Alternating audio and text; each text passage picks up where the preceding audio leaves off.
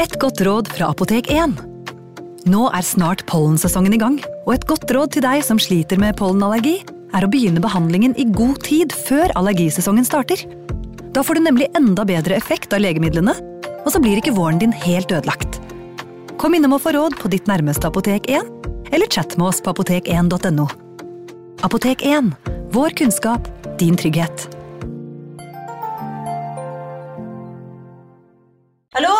Jeg kommer fra Oslo politikammer. Ine Jansen er purk. Er du purk? The motherfucking bitch. Alt jeg vil, er å finne ut hva som skjedde med mannen min. Jon Carew. Er jeg sikta for noe? Iben Akeli. Det er du.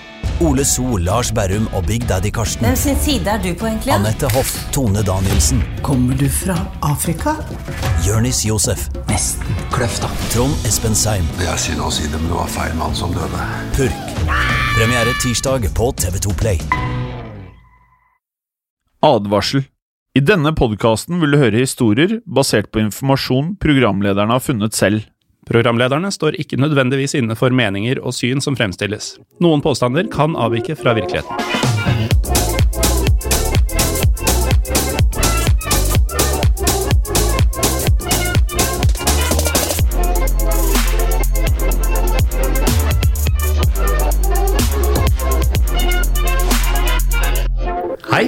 Og velkommen til Historiepodden. Eh, Jim, det er ikke sikkert eh, lytterne er klar over det eller bryr seg, men eh, dette er første gang vi sitter i studio på halvannen måned, tror jeg. Ja, det er en stund siden. Det er jo første uka etter sommerferien, eller fellesferien. Ja.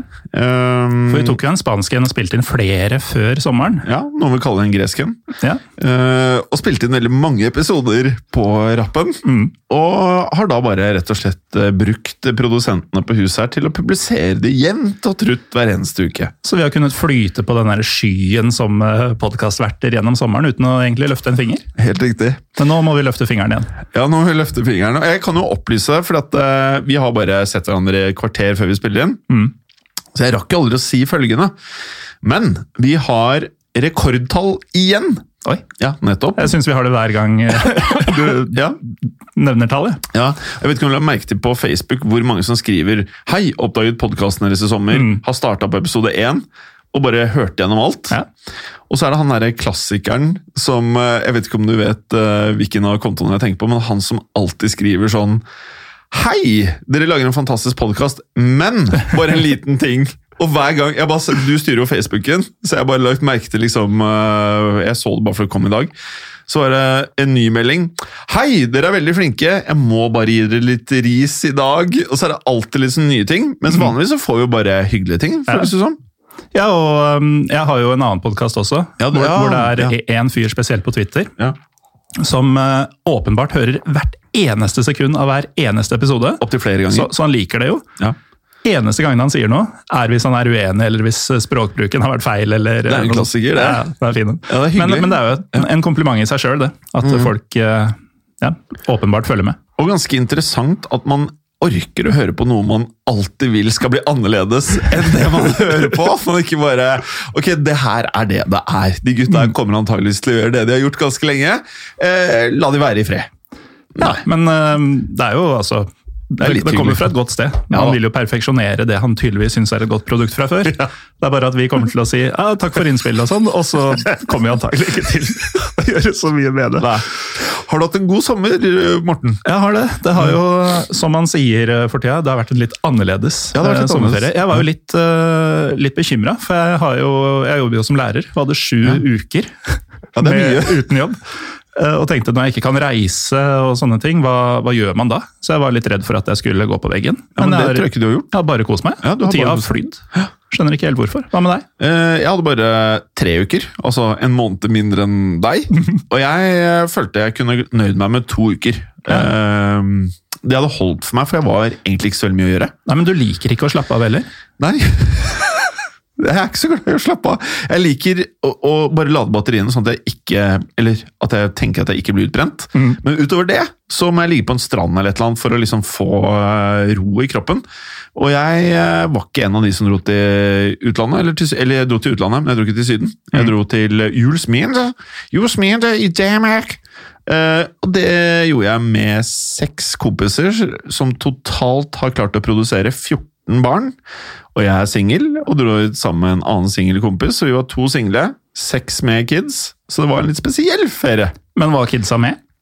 De var absolutt Å, gud bedre. Ja, Ja, Da skjønner jeg at du måtte lade batteriene før vi Men- kom hit. Men uh, du holdt deg frisk, i hvert fall, har jeg skjønt. Det har jeg, Ja. og tydeligvis du også. Ja, virker sånn. Mm. Uh, man vet jo ikke hvis man ikke tester seg, har jeg skjønt. Nei, for så vidt. Man finner det ut etter hvert, da. Men uh, Gjør man det? Ja, sannsynligvis. Hvis man ikke har uh, symptomer? Ja, Symptomene vil jo gjøre seg gjeldende etter en viss inkubasjonstid. Uh, Ja. Men hvor sterke de blir, det, det varierer jo, da. Jeg trodde det var mange som var asymptomatiske, men nok om det. Ja, kanskje, kanskje det er sånn. Ja, kanskje det er sånn. Um, men i hvert fall, vi har jo et tema i dag. Ja, vi har et tema i dag. Og i dag så skal eh, dere lyttere få høre om eh, hvor langt man kan dra en løgn, eh, Ja. så lenge man har nok selvtillit når man presenterer denne løgnen. Ja, og dagens mann hadde enorme mengder med selvtillit, som kun ble overgått av hans enda større løgn. Han var nemlig en, ja, litt av en svindler, må vi jo si da. Og vi er jo glad i mye rart her i Historiepodden. Ja, er Svindlere er en ting vi er veldig glad i. Ja. Uh, og mange, mange av dem slapp unna med helt ville ting. Og denne episodens, episodens hovedperson er intet unntak.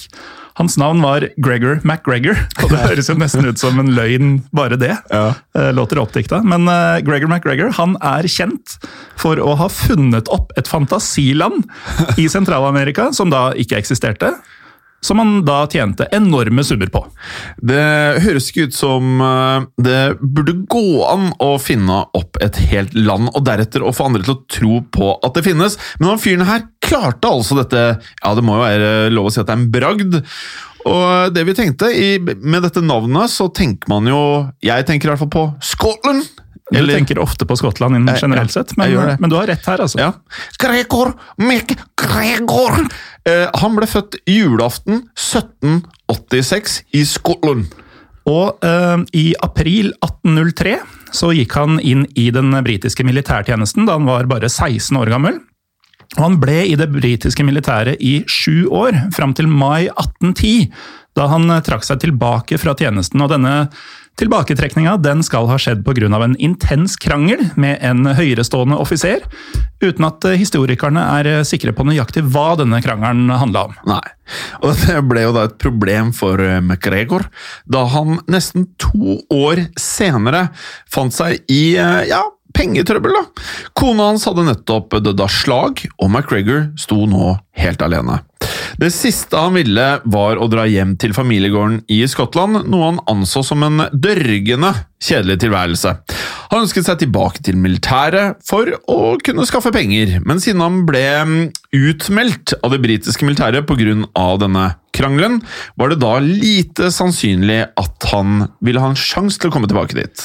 Så McGregor han snudde seg i stedet i retning Sør-Amerika, det. på denne tiden ble sterkt prega av en hel rekke uh, uavhengighetskriger. For uh, helt siden uh, Columbus hadde gjenoppdaget Amerika i 1492, så hadde jo Spania og Portugal spesielt kolonisert den sentrale og sydlige delen av dette kontinentet. Og etter over 300 år med kolonisering og spansk herredømme, så hadde mange av koloniene fått nok.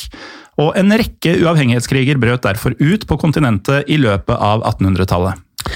Opprørene mot særlig spansk herredømme fanget McGregors interesse, så han kastet seg på en båt til Sør-Amerika for å delta i Venezuelas uavhengighetskrig, som begynte i juli 1811. McGregor gikk inn i militæret i Venezuela på opprørernes side, dvs. Si de som kjempet mot spanjolene. Og skotten han klatret raskt oppover i gradene og oppnådde den gjeve tittelen General of Division in the Army of Venezuela oh. and New Granada i en alder av 30 år. Apropos titler, da McGregor kom til eh, Venezuela, introduserte han seg til alle som Sir Mac eh, Gregor McGregor. Og denne Sir-tittelen er jo noe man blir tildelt, men i virkeligheten hadde vår mann aldri fått denne tittelen, selvfølgelig. Han bare gikk rundt og påsto at han var en Sir. Og allerede her ser vi jo et viktig personlighetstrekk hos eh, Gregor McGregor, nemlig at han elsket å fremstå som viktigere og mer høyerestående enn han egentlig var. Litt sånn som oss. Litt sånn som oss. Så derfor så sa han, akkurat som vi pleier å gjøre, at han var en sir. Og, at, og dette var egentlig bare begynnelsen på de eh, mildt sagt overdådige tingene han senere skulle kalle seg selv. Han fanget i alle fall da oppmerksomheten til en venezuelansk rikmannsdatter, som han giftet seg med i 1812. Eh, McGregor fortsatte å kjempe mot spanjolene i Sør-Amerika, og etter hvert som flere og flere av spanjolene måtte gi tapt og Venezuela ble selvstendig, så begynte McGregor å se seg om etter ja, nye karrieremuligheter. Så McGregor han forlot Venezuela og ga seg til å angripe gjenværende spanske utposter og festninger i Sør- og Sentral-Amerika med små militære styrker. Eh, Og dette fortsatte han med helt til 1820. Da han ankom kysten av det som i dag er Nicaragua i Sentral-Amerika. Han kom nærmere bestemt til en region med det fantastiske navnet Mosquito Coast, eh, som på norsk da altså blir Myggkysten. Kanskje ikke noe for oss. Nei, der vil jeg ikke være. Og det navnet er jo da, som vi nå skal høre, alt annet enn tilfeldig. Området besto for det meste av tett, tett jungel som huset enorme mengder med blodsugende mygg. De eneste menneskene som bodde i dette området, var eh, ja, noen mindre grupper med urbefolkning. Og utenom eh, dette med urfolk, så høres jo dette litt ut som bakgården her vi sitter, hjemme. Ja, faktisk. Fryktelig mye mygg der i sommer. Eh, Men uansett så hadde britene da vært innom eh, denne myggkysten omtrent 100 år tidligere, men eh, de syntes da ikke det var verdt å kolonisere dette området, og hadde evakuert. Igjen fordi det er tett jungel og enorme mengder mygg. Før de dro, så krona de noen stammeledere av dette urfolket til konger, uten at disse hadde noen faktisk makt eller innflytelse. Og Grunnen til at de gjorde dette, var så de kunne anerkjenne urfolkets eierskap til området. Dvs. Si at eh, de var selvstendige. Og Ved å anerkjenne dette området som selvstendig, så var det vanskeligere for spanjolene å erklære området som sitt eget, dersom de skulle komme forbi. Britene kronet altså urfolk til konger uten makt, bare for å da stikke kjepper i hjulene til spanjolene. Alt var et, eh, ja, et politisk spill, og McGregor fant uansett frem til denne kongen da av urfolket på Myggkysten, som var kong Fredrik Augustus den første. Og McGregor han bestakk denne kongen med whisky og rom. Det skjønner jeg at man tar imot, altså. Og i bytte så fikk han eh, av kongen et eh, landområde på nesten 32 400 kvadratkilometer på denne myggkysten. Det er mye Det er mye, altså det er litt større enn Wales. Ja. Eh, for men, whisky og rom. men det besto jo da igjen, da, eh, for det meste av tett, ubeboelig jungel og fryktelig mye mygg. Så mm, selv om det var stort, så var ikke dette området særlig verdifullt. Nei, men eh, det stoppet ikke McGregor, for eh, han hadde en drøm og en plan for området som han nå hadde da kjøpt eller byttet til seg.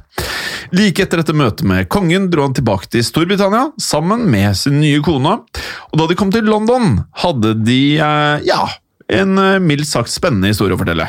Ja, for McGregor han fortalte Londons finansverden at han eh, ikke bare var sir McGregor. Nei da, nå var han en fyrste. Han var fyrst eh, Gregor McGregor. Um, og han var det han kalte kasik um, av um, det nydelige og fruktbare landet Poyais.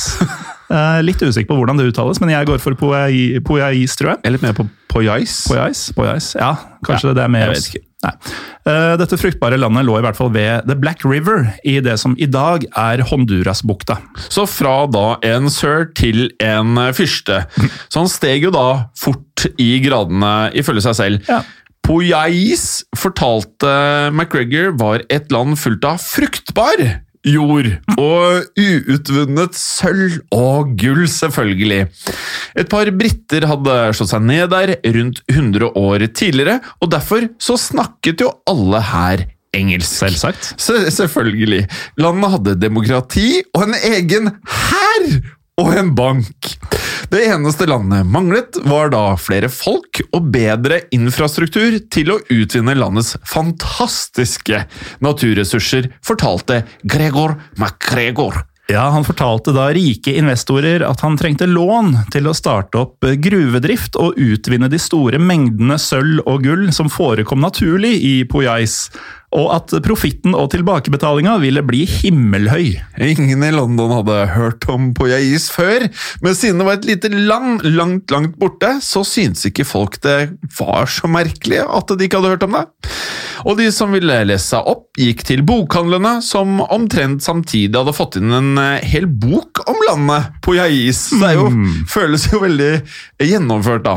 Boken var skrevet av en kaptein Thomas Strange Ways, og het Sketch of the Mosquito Shore, including the territory of Poyais. Og denne boka den fortalte leserne alt om hvordan engelske nybyggere hadde reist til Poyais og grunnlagt hovedstaden St. Joseph på 1730-tallet, altså ca. 100 år tidligere. Boka bekrefta da McGregors opplysninger, og fortalte om landets fantastiske ressurser og muligheter. Ikke bare rant det flere elver med rent vann fritt for tropiske sykdommer gjennom landet, du kunne til og med finne gullklumper i disse elvene stadig vekk. Ja, og som om uh, dette ikke var uh, fantastisk nok, da, så var uh, landets urfolk ikke bare vennlige, de elsket faktisk å hjelpe og jobbe for britene. Denne boka om det ukjente landet Poyais eh, understreket det McGregor fortalte, nemlig at eh, landet hadde enorme naturressurser og fruktbar jord, og alt det mangla var da flere innbyggere og investeringer i riktig infrastruktur. Ja, Derfor vanket McGregor i eh, de rike overklassenes fornemme selskaper, der han fortalte investorer om mulighetene som ventet dem i Poyais. Han var i sitt rette element, og mang en velstående finansmann ble jo sjarmert av denne engasjerte og veltalende fyrsten, for han var jo veldig karismatisk. Og Det var en av hans eh, sterkeste egenskaper. Eh, McGregor han begynte å selge bonds, mm. dvs. Si at eh, folk kunne kjøpe lån som han senere ville betale tilbake med renter. Det høres jo kanskje litt kjent ut for en gammel finansakrobat som deg, Jim? Ja, akrobat er ikke noe man ønsker å bli kalt, men finansmann jeg har definitivt hørt om bonds, og mm. er en av de tingene som hvis man ikke skjønner hva det er, bør man kanskje ikke kjøpe det. For det, det, Hvis du pakker inn disse bondsene, så du pakker det nok ganger, selger det nok ganger, betaler nok penger, og til slutt er det ingen som vet hva det er for noe mm. i disse pakkene, så kan man få visse kriser økonomisk som brer seg utover ikke bare ett land, men veldig mange land, og som gjør at veldig mange mennesker kan bli lei seg. Det høres veldig sånn Fyrst McGregor-vennlig ut. ja, det gjør nemlig det. Og disse lånene de var da investeringer som skulle finansiere oppstart av gruvedrift i Poyais. I 1822 så solgte McGregor 2000 av disse lånene til det som da var 100 pund hver. Eh, og det er i dag nesten 70 000 norske kroner. Disse lånene skulle det da løpe høye renter på, ifølge informasjonen vi har funnet i arbeidet med denne episoden. Og disse rentene det var penger som Londons investorer skulle tjene tilbake for dette lånet. Eh, Payais hadde heller ikke noe særlig skattesystem å snakke om, og det gjorde jo investeringene endra, enda mer tiltrekkende. Ja, selvfølgelig gjorde det. Eh, de rike og velstående kastet seg på muligheten til å være da en del av det de oppfattet som noe uhyre eksklusivt. Blant de rike gjaldt det da ofte å være først ute med det som var nytt og spennende. Det ga nemlig status, selvfølgelig. Så ved å investere i det ukjente og ekstremt lovende landet Poyais, ja. Kunne de føle at de var i en slags eksklusiv klubb, noe som ga dem ekstra anerkjennelse blant andre rikfolk. Ja, vi kan i alle fall si at eh, det å investere i noe nytt og spennende var noe 1800-tallets rikinger da var utrolig opptatt av. McGregor solgte nemlig alle de 2000 lånene sine på slikk og ingenting av tid, og da sikret han seg nemlig 200 000 pund i ett og samme jafs, som i dagens penger er 11,5 million pund. Altså, Morten, hold deg fast! 136 millioner kroner! I ett jafs! 136 millioner på én gang for det som egentlig er ingenting. Det er jo greit imponerende. Og Londons overklasse de var fullstendig forelska i denne fyrsten av eh, Poyais, og bildet han malte av dette flotte landet så langt borte. Kanskje vi skal bli eh, fyrster, vi også? Det er litt vanskeligere i dag med Google Maps og Wikipedia og sånn, føler jeg. Ja. Og bare dikte opp et land og mm. lure folk. Ja, det er ikke så lett, nei. nei. Og selv om da McGregor tok seg godt til rette blant eh, Londons ja, fornemme elite, der alle inviterte denne, ja, må jo kunne se på han som en eksotisk fyrste, så ble han invitert på all slags middag. Så glemte han ikke arbeiderklassen heller, denne McGregor. Nei, på ingen måte, for eh, fyrst McGregor han hadde et staselig tilbud til eh, Storbritannias bønder og arbeidere også, eh, nærmere bestemt da de skotske. Siden han trengte en del nye bosettere for å utvikle jorda og utvinne naturressursene i Poyais, så solgte han land der meget billig. Åh. Så bønder de fikk et godt stykke fruktbar jord som var perfekt for gårdsbruk, for omtrent en, ja, det som tilsvarte en dagslønn i 1822. Ja, og en dagslønn for så mye jord var jo Ja, det kunne ikke være annet enn et fantastisk tilbud, det. De som utvandret fra Storbritannia på denne tiden, dro ofte til det store og da veldig tiltrekkende USA for å starte et nytt liv. Men McGregors tilbud fristet mange da til å gå vekk fra USA og heller velge Poyais! Og alle som var nysgjerrige på å dra til det lovende landet i Sentral-Amerika, kunne også stikke innom det splitter nye Puyais-kontoret i London. Og egne kontorer som solgte jord til bønder, åpnet i Glasgow, Stirling og Edinburgh. Edinburgh. Edinburgh. McGregor var jo fra Skottland, og han solgte denne drømmen om et nytt liv spesielt til de skotske bøndene. Ja. McGregor fortalte de skotske bøndene at det var nettopp de som var hardbarka nok, og som hadde ferdighetene og egenskapene som trengtes til å befolke dette flotte, flotte landet. Siden han hadde skotsk bakgrunn, var han jo en av dem, fortalte han, og derfor visste han at de var ja, de eneste britene som virkelig kunne utvikle landet til sitt fulle potensial. Og vi vet jo at skotter liker jo, hvis de kan, å ta innersvingen på engelskmennene. Det gjør det, så dette budskapet det traff jo blink hos de skotske bøndene, og flere og flere oppsøkte disse Poyais-kontorene. Og på alle disse kontorene arbeida det egne ambassadører som gladelig ga folk informasjon om alt de kunne oppnå i dette magiske landet. Oh. Og hjalp dem da også gjennom kjøpsprosessen. Og om du var noe annet enn bonde, så var det muligheter for deg også. McGregor solgte nemlig også retten til visse posisjoner og stillinger i landet. Åh, oh, Det er så smart! Eh, han solgte egne militærposisjoner, legejobber og også lærerstillinger. Så der kunne jo du sikkert fått deg en lærerstilling ganske Jeg er på nippet til å kjøpe jord i Poyais, jeg nå. Ja, kanskje du har gått for en militærposisjon i stedet? Kanskje. Så det, det, som var fint med det, var at folk visste at de var sikret arbeid allerede før de kom til Poyais. Mm. Håndverkere kjøpte eneretten på å bli landets gullsmeder, eller til og med å bli skomakere for selveste fyrstinnen av Poyais. Dette landet det begeistret da flere og flere, og snart kom nyheten om at de første skipene ville gå til Poyais i september 1822 og januar 1823. Planen var at eh, fem til skulle gå senere i 1823. Bønder, leger og skomakere kjøpte enveisbilletter og var klare for å starte et nytt liv i landet med en overflod av sølv og gull, rent vann og fruktbar jord. Det var nesten for godt til å være sant. Og det var det jo. Det var det. For som dere kanskje har eh, skjønt, så var eh, Poyais og dets eh, praktfulle ressurser fullstendig oppspinn og en gigantisk løgn fra fyrste McGregor. Ja, for det fantes ikke det bugnende landet kalt Poyais i Honduras-bukta, og McGregor var absolutt ingen fyrste. Han var en vaskeekte svindler med en enorm forkjærlighet for status blant de velstående. Det eneste han hadde, var da denne store tomta på Myggkysten, og en imponerende evne, må vi si, til å fremstå ekstravagant, eh, selvsikker og å være ufattelig god til å snakke for seg. Hvordan eh, McGregor fikk til alt dette, og hvorfor folk trodde på han, og ikke minst hva som hendte med nybyggerne som skulle seile mot eh, Poyais i 1822 og 1823, får dere høre mer om etter en kort pause. Velkommen tilbake. Før pausen så hørte dere om eh, Gregor McGregor, som påsto at han var både en sir og en fyrste, men som egentlig ikke var noen av delene. Og dere hørte også om hvordan britene forelsket seg i landet Poyais, som var et falsk paradis McGregor hadde funnet opp. Ja, Han tok imot eh, store store investeringer og kjøp av både tomter og eneretten på visse stillinger i landet. Med andre ord, han casha inn, altså.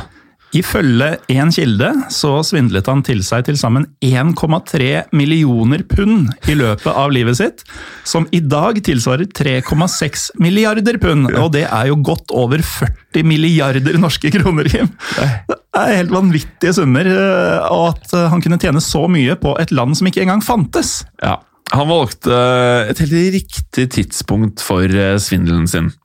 For i 1820-årene var napoleonskrigene nettopp ferdige, og britisk økonomi var på vei oppover. Økonomien var generelt preget av en positivitet, og det gjorde at mange så optimistisk på muligheten til å investere eller flytte til nye og spennende områder og land.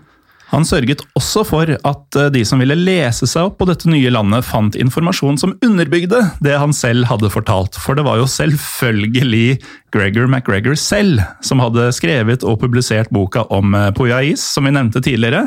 Den som eh, skulle ha vært skrevet av en kaptein Thomas Strangeways, som mest sannsynlig aldri eksisterte.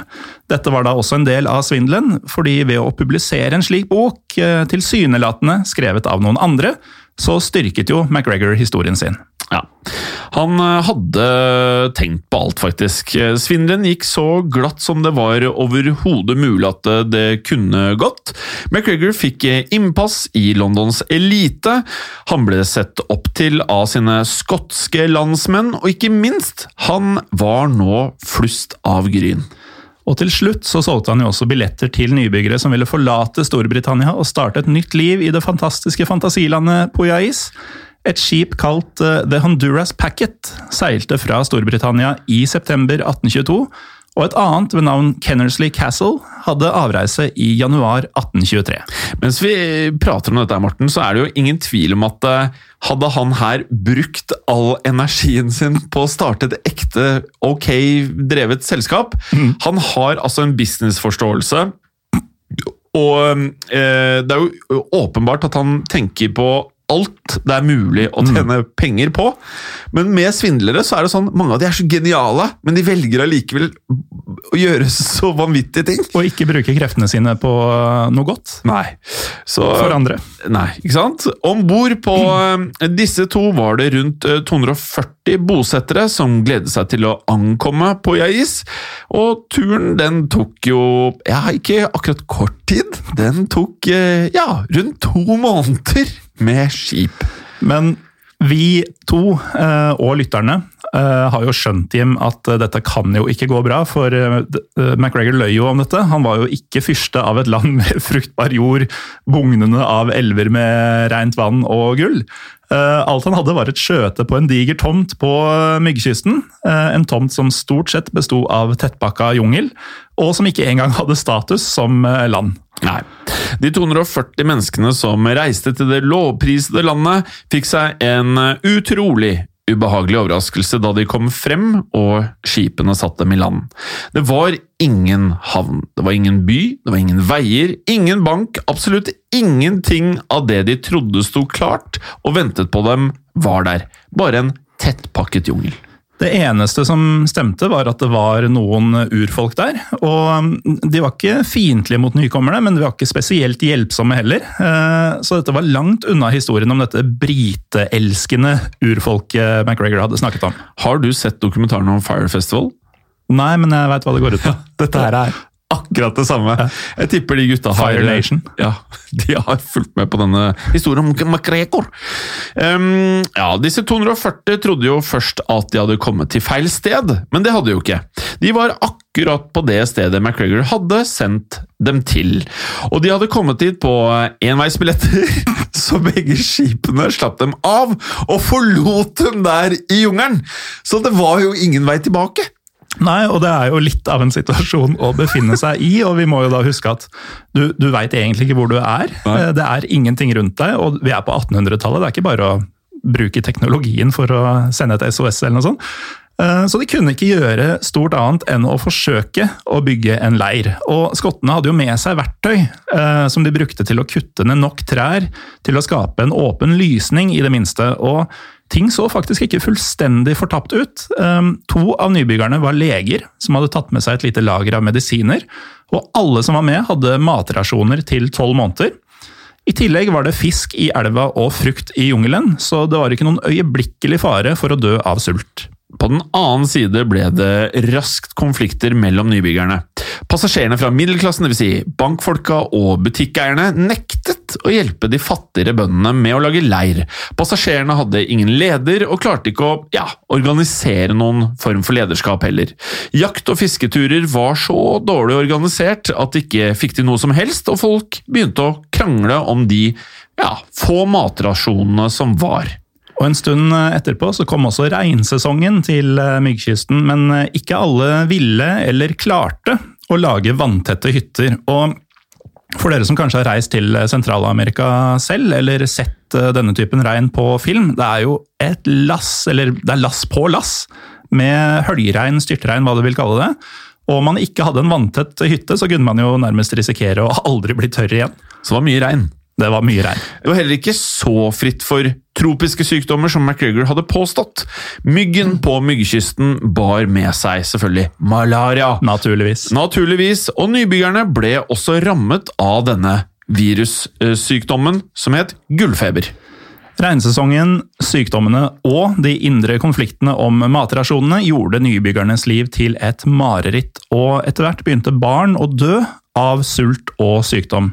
En skomaker fra Edinburgh, som hadde blitt lovet tittelen Poyais offisielle skomaker, skjøt seg selv i desperasjon. Mm.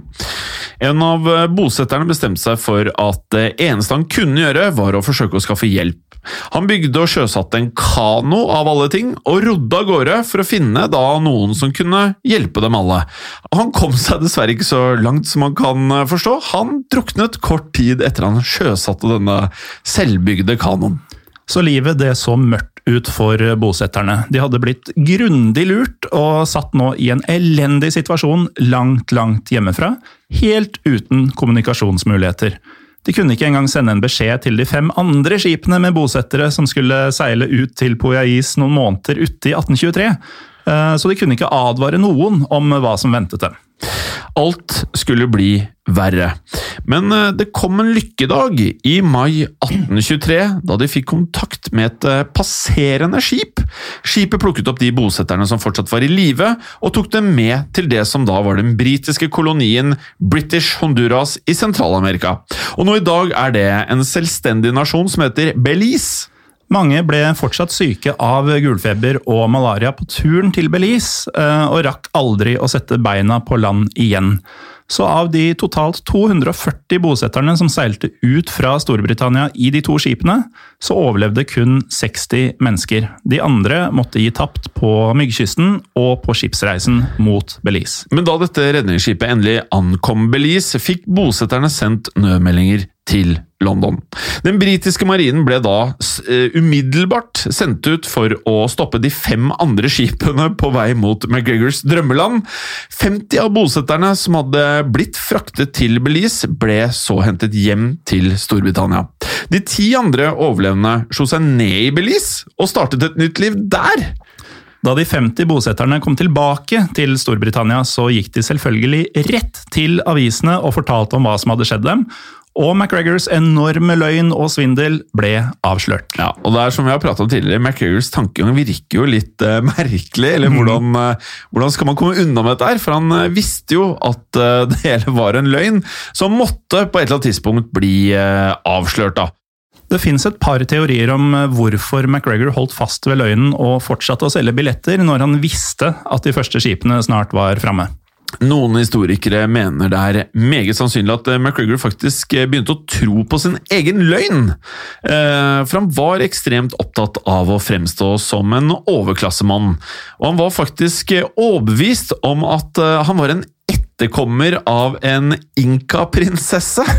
av alle ting. ja, uten noen form for bevis, egentlig. Nei, Men bevis var uvesentlig for Gregor McGregor. Ja, ja, det var det. Og siden han var overbevist selv om at han hadde kongelig avstamning, så mente han også at det var hans rett til å herske over et helt land, selv om han da ikke hadde et eget anerkjent land, bare en stor tomt. Han hadde en drøm om å regjere i et land i Sentral-Amerika befolket av skotter, eh, og dette landet skulle være det vakreste og mest beundringsverdige land i verden. McGregor begynte med andre ord å virkelig tro på Poyais.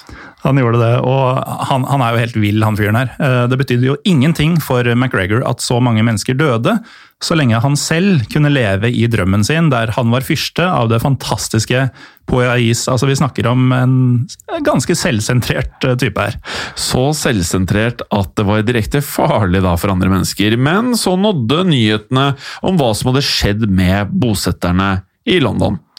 De 50 bosetterne var tilbake, og historien deres ble slått opp i avisene med dramatiske overskrifter. Og nå var tiden forbi hvor McGregor kunne gjemme seg.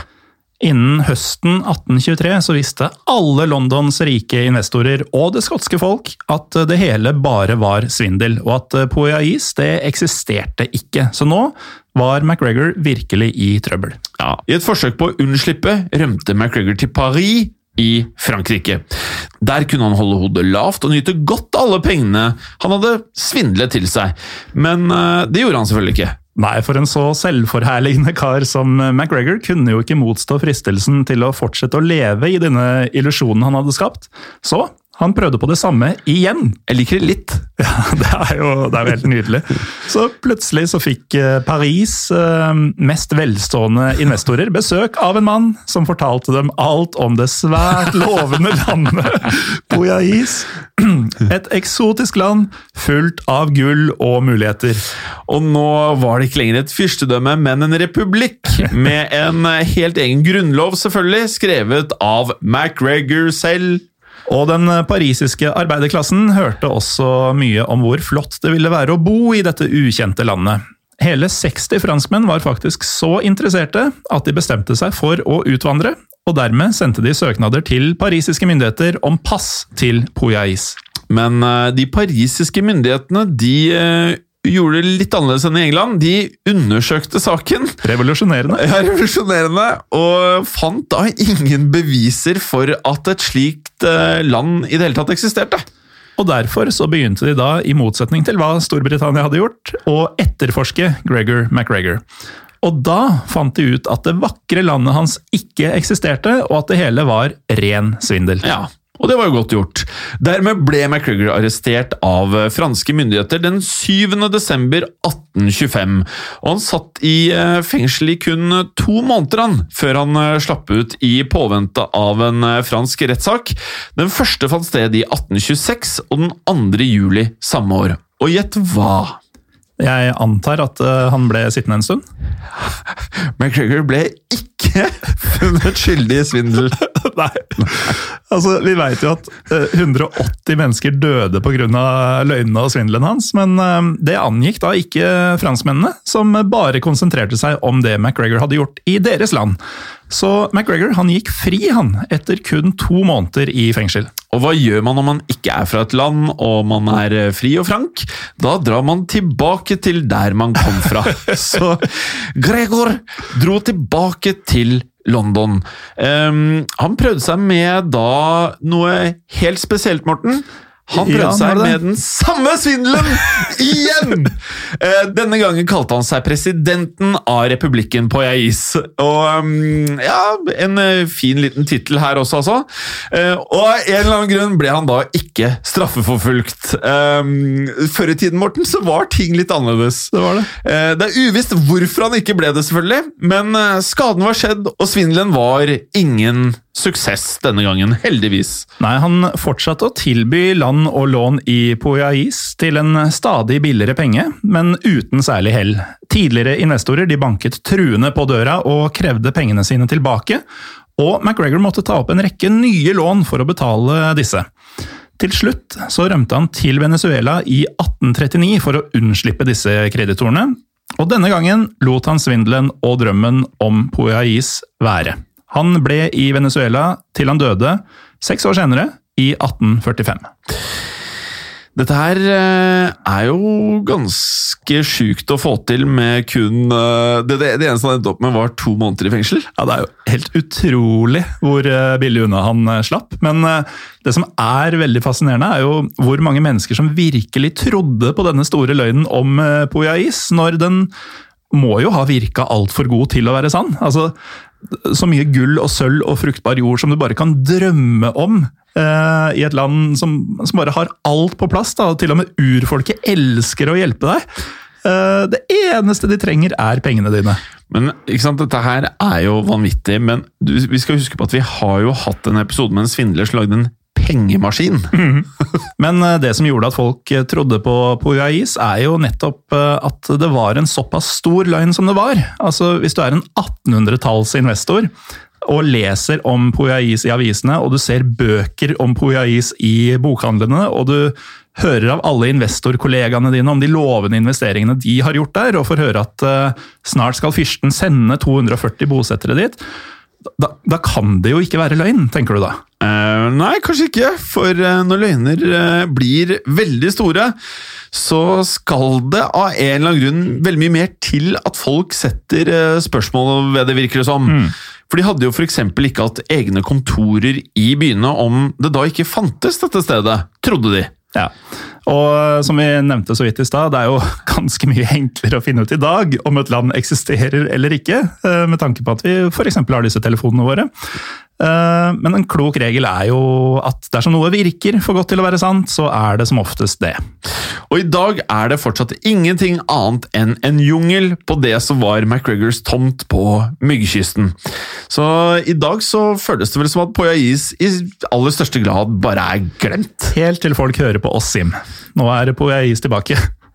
Uh, og dere som hører på, dere har nå hørt uh, om denne enorme løgnen til uh, løgneren Gregor McGregor. Kanskje den største svindleren så langt? Nei, har- vi har jo han som solgte eh, Eiffeltårnet, som sagt. Ja, men jeg tror dette er verre. Altså. Ja, det er verre. Det er verre. Mye større summer. Ja, Veldig mye større summer og veldig mange flere ofre. Ja, Mange døde, til og med. Eh, uansett, vi håper dere likte episoden og at dere nyter siste rest av sommeren. Og så høres vi igjen neste uke. Ja, og husk, følg oss uh, veldig gjerne på Facebook og Instagram, der vi heter uh, Historiepodden eh, Norge. Ja, Gjør gjerne det, og bli også medlem av eh, gruppa vår eh, Historie for alle, som også er på Facebook. Og Jim, det har skjedd. Og det kan kanskje skje igjen. Da skal du ha en ordentlig god svindler, altså. Ja, eller bare at all, eh, all, all Bare at alle generatorer, all elektrisitet, alt i hele verden bare går, så googeren blir borte. Kanskje i en sånn pok- postapokalyptisk verden, eh, når folk ikke lenger veit hva som er hva. Det er litt skummelt å tenke på nå som vi er i en koronasituasjon. Ja. Eh, Kan det skje igjen? Det kan det. Ok, ha det bra. Ha det bra. I produksjonen av Historiepodden så ønsker vi å takke Håkon Bråten for lyd og musikk. Takk til Felix Hernes for produksjon. Takk til Ellen Froktenestad for tekst og manus. Og takk til deg, Morten Galesen, for programlederrolle. Og takk til deg, Jim Fosheim, for programlederrolle. Moderne. Har du et enkeltpersonforetak eller en liten bedrift? Da er du sikkert lei av å høre meg snakke om hvor enkelt det er med kvitteringer og bilag i fiken, så vi eh, gir oss her, vi. Fordi vi liker enkelt. Fiken superenkelt regnskap.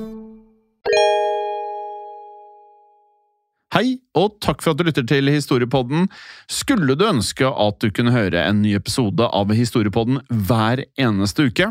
Vel, da er det én ting å gjøre. Da kan du laste ned podkastappen Untold med det samme. For i tillegg til ukentlige episoder av podkaster som Historiepodden andre verdenskrig, Henrettelsespodden og også Gangsterpodden, så får du masse annet reklamefritt og også eksklusivt innhold. Last ned Untold i AppStore eller Google Play og start din 30 dagers gratis prøveperiode allerede i dag.